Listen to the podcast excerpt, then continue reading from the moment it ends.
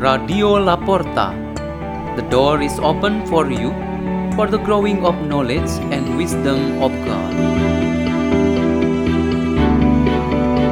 Delivered by Father Peter Tukan SDB from Salesian Community, Gerak in Labuan Bajo, Diocese of Ruteng, Indonesia.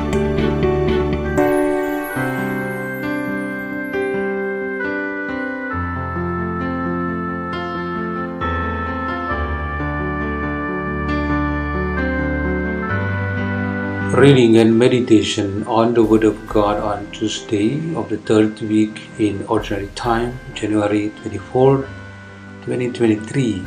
Memorial of Saint Francis of Sales, Bishop and Doctor of the Church.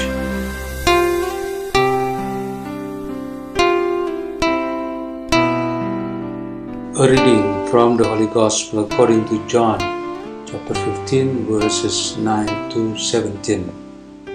Jesus said to his disciples, As the Father loves me, so I also love you. Remain in my love.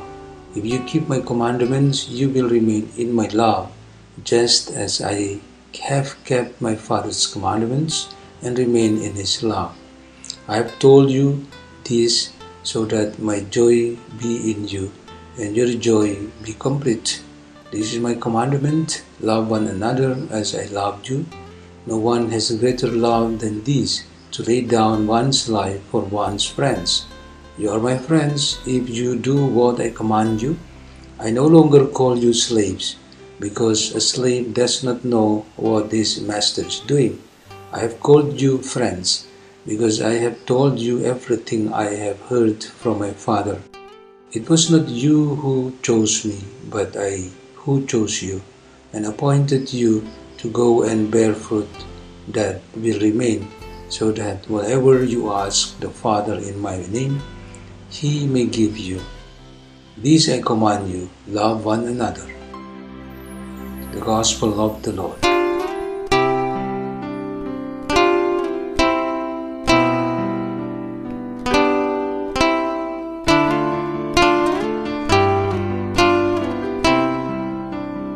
The theme for our meditation today is communication with mutual cooperation. Why, in today's commemoration of St. Francis of Sales, our meditation is entitled Communication with Mutual Cooperation. There are several reasons, but we want to mention two of them. The first is that liturgical readings today can be interpreted as appropriate sources of inspiration and the second is the Church's tradition established this French saint as the patron saint of journalists, media activities, and the Catholic press. Communication brings people together and form unity among them. Two or more persons who are reciprocal in relationship allow communication occurs between them. If what happens between them is a relationship in the form of talking, conversation, dialogue, sharing stories, and even arguing and disputing opinions. That communication can be categorized in the type of natural and normal human communication. Culture and traditions of life shape us to have the ability to communicate in this type. However, communication between humans does not only stop at the natural and normal levels. In the world of work, the application of technology, operational systems, and work plans that provide care and service to the public, the type of communication that is really needed is communication that uses the system. There is a synergy of various elements in it. There is management that manages it. Cooperation and synergy include fellow humans who interact, the related facilities and instruments used, and the use of space and time. Communication with this system is considered to require a lot of mutual cooperation.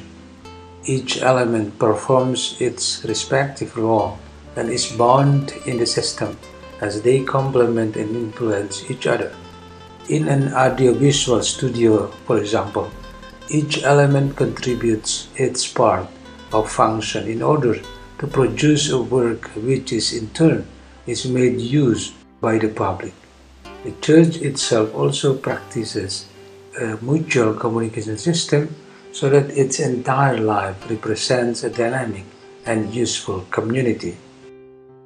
When Jesus Christ chose the apostles, he formed them as one early church community, and their communication was characterized by mutual cooperation. The Lord Jesus wants us who believe in Him to always be faithful in doing God's will. He can't just do God's will alone. It's difficult to realize God's great mission in building the kingdom of God if there is no mutual cooperation system. Jesus is the only offering to God, the Almighty, for all of us. We should also welcome and take part in Him. Let's pray in the name of the Father, and of the Son, and of the Holy Spirit. Amen. O Lord, we renew our faith in you, and we ask you to bless us so that we will continue to proclaim your greatness in this world. Glory to the Father, and to the Son, and to the Holy Spirit, as it was in the beginning, is now, and ever shall be, world without end. Amen. In the name of the Father, and of the Son, and of the Holy Spirit. Amen. Radio La Porta. The door is open for you.